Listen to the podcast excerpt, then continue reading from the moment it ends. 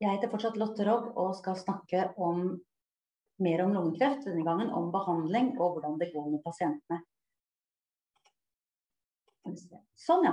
Som dere husker fra forrige gang, så kan man også dele lungekreft inn i to hovedgrupper. Småcellet og resten ikke småcellet. Og det er de ikke småcellete som er den største gruppa. Og som vi også var så vidt inne på, så deler man opp lungekreft i ulike stadier hvor stadie 1 til og med 3 så kan man eh, forsøke seg på helbredende behandling, mens i stadium 4 så er ikke det mulig. Hvis vi ser på hvordan det går med pasientene, så er dette en graf som viser overlevelse fra 2000 til omtrent i dag, hvor de blå strekene er for ett års overlevelse, og de eh, grønne representerer fem års overlevelse.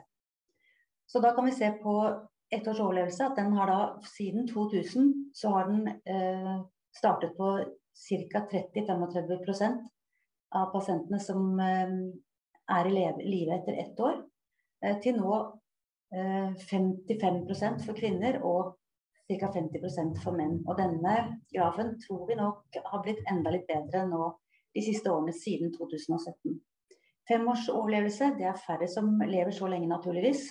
Man kan nesten regne seg som helbredet for lungekreft hvis man har levd eh, fem år etter at man var ferdig med behandlingen. Eh, og da ser vi at for menn så startet det ganske pessimistisk ut på snaue 10% mens det nå har gått opp til nesten 20% For kvinner litt bedre, fra ca. 15 og opp til drøye 25% Hvis vi nå ser på fem års overlevelse og deler det opp i hvor utbredt sykdommen er, så ser dere helt nederst her for det første at denne grafen går fra 1977 og fram til ikke helt i dag, men for ikke så lenge siden. Og da ser dere at det har skjedd fint lite når det gjelder de som har spredning. Det går ikke særlig bra nå heller. Når man ser på de som har en mer lokalavansert sykdom, så har det skjedd en viss utvikling.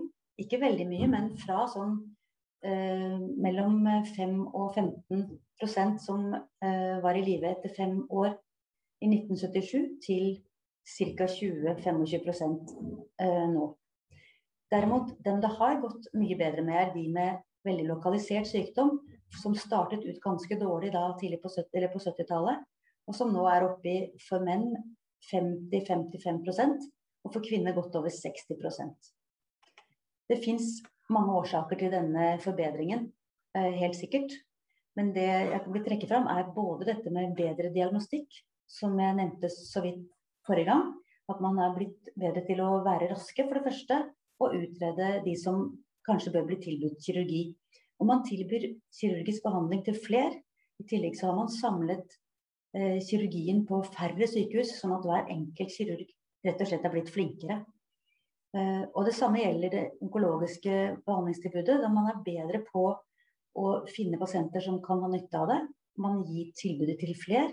Og man har bedre, uh, mer uh, moderne strålebehandling. Og det har også kommet nye medikamenter som bedrer responsen og behandlingseffekten.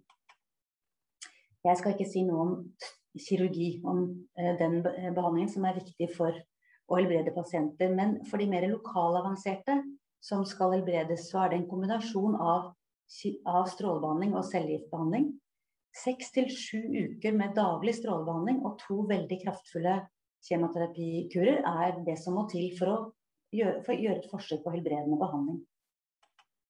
Når det gjelder medikamentell behandling av lungekreft, så er det mye de samme eh, medikamentene vi bruker, enten det er helbredende behandling eller livsforlengende eller palliativ behandling, men mye tøffere kombinasjoner ved kurativ behandling. Mer belastende for pasienten. For da gir man kjemoterapi samtidig med strålebehandling, og i økende grad nå også tilleggsbehandling med immunterapi etterpå. Når det gjelder livsforlengende behandling eller lindrende behandling, så gir man eventuelt kjemoterapi og immunterapi sammen. Man kan gi hver av dem hver for seg. Og for de pasientene som har fått lungekreft pga. mutasjon, som jeg nevnte i forrige lille film, så kan man behandle målrettet mot akkurat den mutasjonen.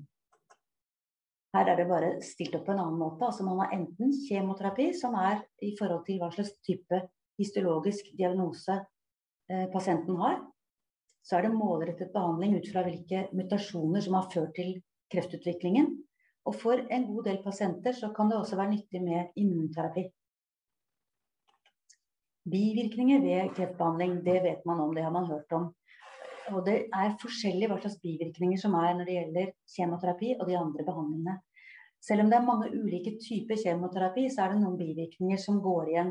Dette med nøytropeni, eller veldig lavt immunforsvar, sånn at man har en høy risiko for å få en alvorlig infeksjon som kan være dødelig, det er noe vi er veldig opptatt av å informere pasientene om og passe godt på. Pasientene kan miste håret. Eh, veldig mange kan bli kvalme, men vi gir kvalmestillende for å hindre det. Fatigue eller trøtthet det er noe man kan få både underveis i behandlingen, men også i måneder og år etterpå. Noen eh, kjemoterapimedikamenter kan gi hørselstap pga. nerveskade, og noen kan gi nyreskade eller hjerteskade. Enten forbigående eller varig. Immunterapi tenkte jeg bare si kort hvordan det virker. Kreftcellene er flinke til å gjemme seg og, og hindre at kroppens forsvarsverk eh, tar knekken på dem. Sånn at de har, eh, Mange kreftceller har utviklet måter å deaktivere T-cellene, som er del av vårt forsvarsverk. Immunterapien gjør rett og slett eh, denne deaktiveringen fra kreftcellene umulig. Og gjør dermed at T-cellene kan angripe kreftcellene. Immunterapi har helt andre typer bivirkninger enn det kjemoterapi og strålebehandling har. Man aktiverer på en måte immunforsvaret, i verste fall også litt mot en selv. Sånn at man kan få plager som ved leddgikt eller andre typer eh, mer autoimmune sykdommer. Så diaré f.eks. er en vanlig bivirkning ved immunterapi. Eh, man kan også få stoffskifteproblemer og måtte eventuelt få behandling mot stoffskifte, lavt stoffskifte. Noen får hudutslett, eh, og noen får vondter rundt omkring i kroppen. Det vi er veldig redde for som holder på med lungekreftbehandling, er en sånn type betennelse i lungene.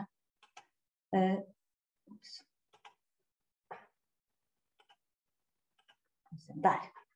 Eh, og det, risikoen for å utvikle den typen eh, bivirkning den øker hvis man har en allerede syk lunge.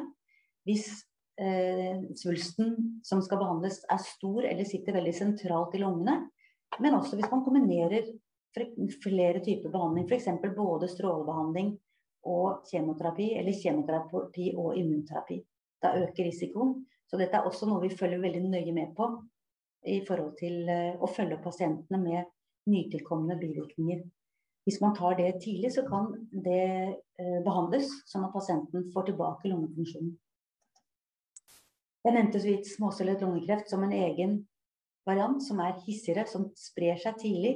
Bl.a. sprer seg tidlig til hjernen, og hvor det er veldig sjelden at den er oppdaget så tidlig at den kan opereres. Norsk lungekreftgruppe har gjort flere veldig interessante studier. Og her er det en studie som viser eh, en effekt av å øke stråledosen fra 45 til 60 grei, og at behandlingen skal skje med to behandlinger daglig. Og det man ser da på en to års overlevelse, er at denne bedret seg fra 46 til 70% når man gikk fra 45 til 60 eh, grei. Jeg skal si litt om eh, metastatisk sykdom ved lungekreft. Da ser dere at uh, her er det en, en, graf fra 2001 til 2017. Og her ser vi også at det er et ganske dårlig utgangspunkt når det gjelder ett års overlevelse. Kanskje 12% eller noe sånt nå i 2001. Og selv om den linjen som jeg viste um, tidligere om at det har ligget liksom flatt mer eller mindre siden 70-tallet, så har det begynt å skje mer nå med tanke på overlevelse. Sånn at flere lever i alle fall ett år eh, med en metastatisk sykdom og lenger enn det også. Eh, og det er fordi vi har både flere medikamenter og eh, også mer aggressiv tilnærming til å behandle pasientene.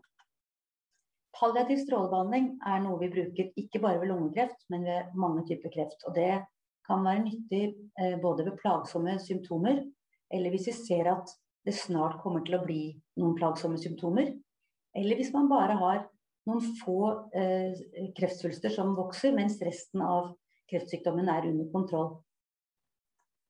Ved mer sånn palliativ tilnærming så eh, er man ganske sånn pragmatisk og strålebehandler effektivt og greit, men ikke særlig elegant.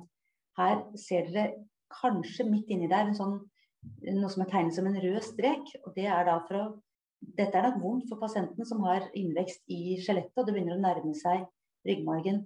Men her strålebehandler man liksom rett forfra bakfra, og man strålebehandler mye mer enn det man egentlig hadde trengt. Men det er effektivt, og med lave nok doser så, er, så gir det den nytten det skal i forhold til svulsten, mens det skader ikke det normale vevet så mye.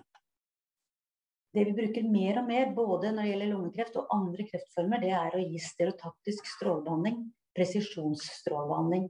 Det kan vi gjøre både for å helbrede istedenfor kirurgi, men vi kan også gjøre det ved å behandle enkeltmetastaser som vokser, selv om resten av sykdommen er under kontroll. Eller hvis det er eh, en, en eh, ekstra plagsom metastase. Da er det helt annerledes. Da er det ikke noe sånn at man stråler litt sånn rundt omkring. Da strålebehandler man ganske spesifikt akkurat der hvor eh, hvor kreftsykdommen er plagsom. Og det var det jeg ville si om lungekreftbehandling.